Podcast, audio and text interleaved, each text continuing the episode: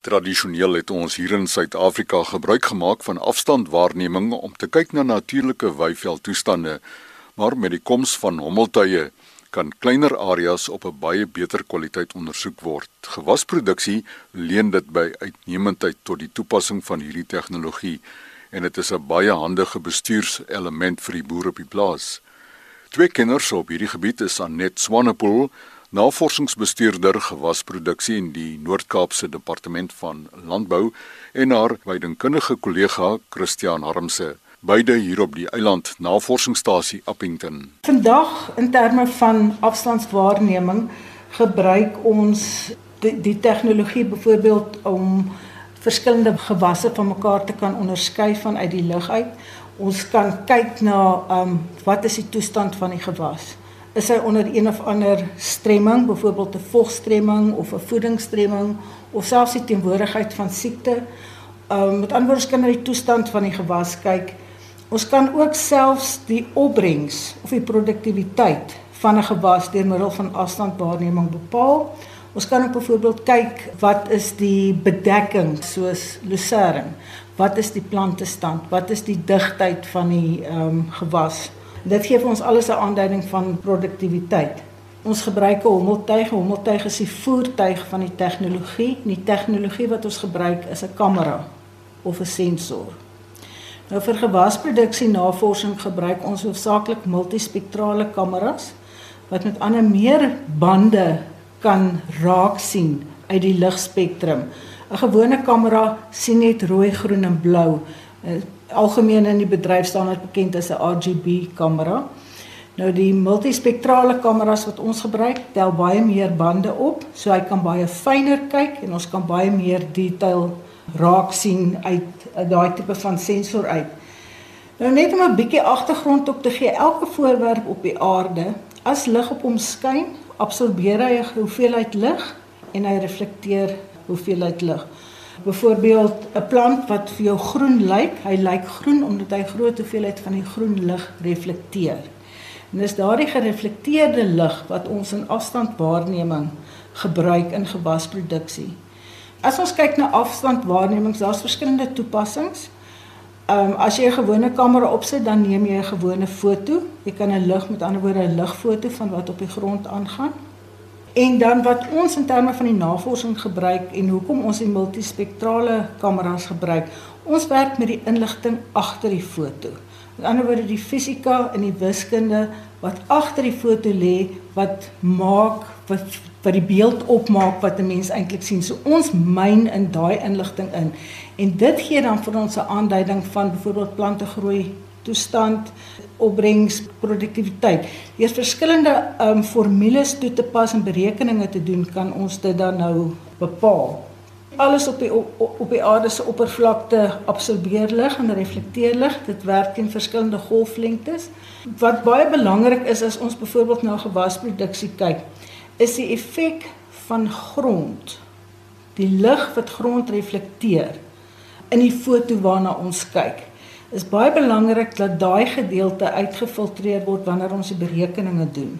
Want as ons dit nie uitfiltreer nie, dan beïnvloed dit ons berekening. Jy kry heeltemal 'n vals beeld van wat eintlik wat met jou ehm um, gewas aangaan. So is baie belangrik as jy met hierdie tegnologie werk dat mens regtig die wetenskap van die tegnologie verstaan gewoonlik die tipe van sensors wat ons gebruik is soos hulle sê hoë end sensors is is redelike duur goed maar omdat dit daai um, hoeveelheid bande vir jou kan gee en die onderskeid tussen daai bande kan tref nou hoe plante groei monitering werk deur middel van afstandwaarneming is dat ehm um, stremming in plante kan raak gesien word hoe gewoonlik hoofsaaklik as gevolg van 'n stikstoftekort in die plant. Ehm um, en stikstof kan gekorreleer word aan jou klorofil inhoud. Klorofil inhoud is gewoonlik 'n indikator van die ehm um, voedingsstres van die plant, die plant se gesondheid, sy vermoë om te fotosinteer en te groei en ook dan die stadium van ontwikkeling van plant. So wat ons eintlik meet aan die einde van die dag is klorofil. En klorofil gee vir jou daai hele groot prentjie van wat met die uh, plant aangaan. Ons kan nie stikstof direk meet nie, maar omdat stikstof 'n integrale deel van klorofil is, En as ons klorofil meet, meet ons dan stikstof.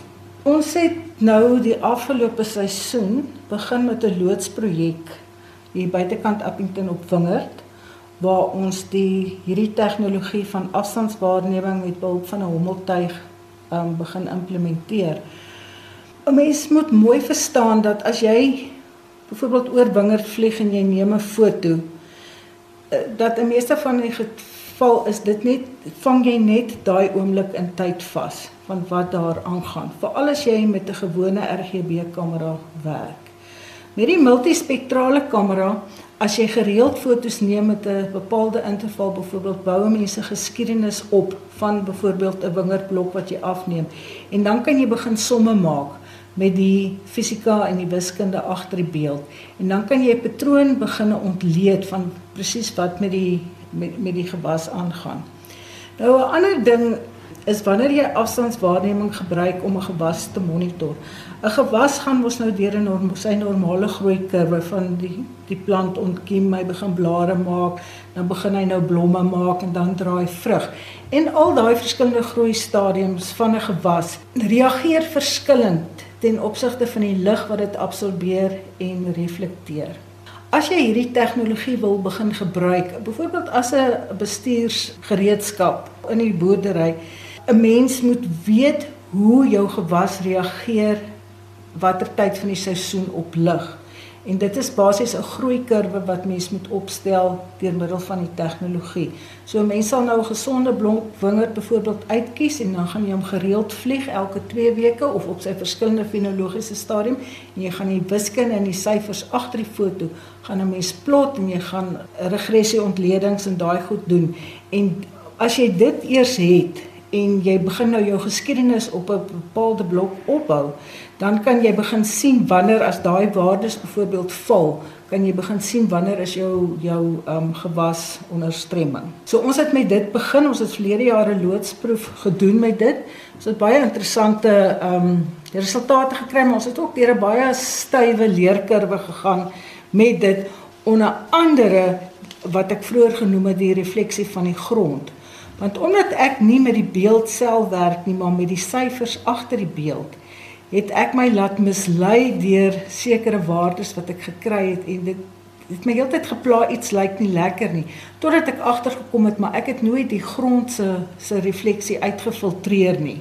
En dit dit so dit kan vir jou heeltemal 'n skewe prentjie gee van wat aangaan en uh, Christian het vir my daarop gewys dat maar hy dink hierdie waardes wat ek hier sien is grondwaardes nadat ek dit uitgemaskeer het toe begin die goeters nou reg gaan So ons plan is nou om hierdie komende seisoen op dieselfde wingerd gaan ons nou op 'n baie gereelde interval van 2 weekliks gaan ons nou vlieg en ons gaan dan nou eers die gewone groeikurwe net opstel.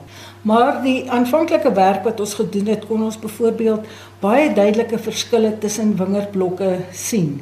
Toe ons nou met die produsent oor dit gaan praat na die tyd, het hy gesê ja, hulle het gesien die wingerd lyk 'n bietjie vir hulle of dit kunsmis kort, toe gooi hulle kunsmis maar eintlik het ons fotos toe gewerk het was gewys dit was nie nodig om kunsmis te gooi nie. Jy weet, so dis waar waar hierdie tipe van tegnologie inkom. Wat jy ook met hierdie tegnologie kan doen, jy kan byvoorbeeld gaan bereken watter persentasie van 'n boord of 'n wingerd of 'n land is geaffekteer deur 'n bepaalde siekte of deur een of ander um, stresfaktor. Want jy jy kan nou letterlik somme gaan doen want jy werk op op oppervlaktes, jy kan daai oppervlaktes gaan bereken. Jy weet dit is hoë tegnologiese goed, maar die waarde van voete op die grond kan 'n mens nooit misken nie. Jy sien die goed hier op 'n beeld en op 'n foto en op grafieke wat 'n mens trek, maar dit bly belangrik om op die grond te gaan kyk, wat sien jy? Dit wat jy hier op die prentjie sien en op die grafieke sien, wat op die grond veroorsaak dit werklik. So Um, dit is 'n kombinasie van ons tradisionele maniere en en nuwe tegnologie, maar ek dink ons kan met die nuwe tegnologie ons tradisionele maniere soveel meer of um optimaliseer. Jy weet 'n mens kan nou absoluut baie fyn bepaal op watter kolletjie kan jy gaan kyk. Dan 'n ander projek waar waarmee ons ook besig is is waar ons nou na die produksie van Lucerne kyk met behulp van afstandswaarneming, met ander woorde waar ons produktiwiteit gaan uh, bepaal. Nou een van die indekse wat mens met hierdie tegnologie kan bereken is die blaar area indeks. Nou daar is ook 'n formule waar volgens jy dit met die kleerbande en die absorpsie van lig en die refleksie van lig kan bereken. Nou ons is al hier op die eiland navorsingsstasie langer as 20 jaar betrokke by Lucerne navorsing. Een van die groot elemente waarna ons kyk is kultivars en om, om te onderskei tussen kultivars en ons glo met hierdie tegnologie gaan ons baie goeie resultate kry. Ons gebruik eintlik reeds 'n blaararea indeks as 'n aanduier van produktiwiteit, maar dit is met 'n uh, instrument wat ons in die hand hou en dan in die lucerne meet. Wat baie tydrowend is, so ons hoop dat as ons byvoorbeeld kan beweeg na die volgende vlak met um, afstandwaarneming en die hommeltuig dat dat ons dit dalk nog um, beter en vinniger kan doen. Anet het nou verwys na 'n multispektrale funksie op 'n kamera. Hoe beskikbaar Christian is hierdie kameras vandag vir gebruik op 'n hommeltuig? Ja, toe ons 'n jaar terug begin het met dit, was dit redelik duur geweest om so 'n multispektrale kamera te gekoop het. En ek het nou meer onlangs weer navraag gedoen vir dit en, en dis nou al teen die helfte van die prys. So hoe meer produkte beskikbaar raak op die mark, en hoe meer kompetisie daar is, hoe goedkoper raak die produk. Dit is eintlik al reeds bekostigbaar vir 'n boer om self te gaan vir 'n hommeltuig te kan koop met hierdie multispektrale kamera. Hy sal hom kan gebruik as dit kom by gewasproduksie. Hy kan die oggend vinnig gaan voor hy bemesting toedien. Hy kan opstyg, hy kan die land vlieg met die multispektrale kamera. Hy kan terugkom, kan dit op die sagte ware vinnig aflaai. Die die beeld sal vir hom wys waar ehm um, daar voedingsstres is in sekere dele van die land en waar daar nie so baie voedingsstres is nie. En dan met hierdie slim trekkers van vandag wat ook 'n uh, GPS stelsel in het, laai hy net van die een sagte ware oor na die trekker toe en hy stuur die trekker af en die trekker weet waar om hoeveel bemesting neer te sit en so spaar hy ook kostes daarmee. En hoe gemaklik kry jy die tegnologie onder die knie? Boere wat ek van weet in die Lockston area wat al gebruik maak van ehm um, hommeltuie is is nie is nie jong boere nie, dis van die ouer generasie wat wat gebruik maak van hierdie hommeltuie en hulle kry dit redelik vinnig onder die knie. Navorsingsbestuurder Anet Swanepoel en wydingkundige Christian Harmse beide van die eiland navorsingsstasie op Appington. Telefoonnommer 0876300303. Ons groet namens Anet en Christian.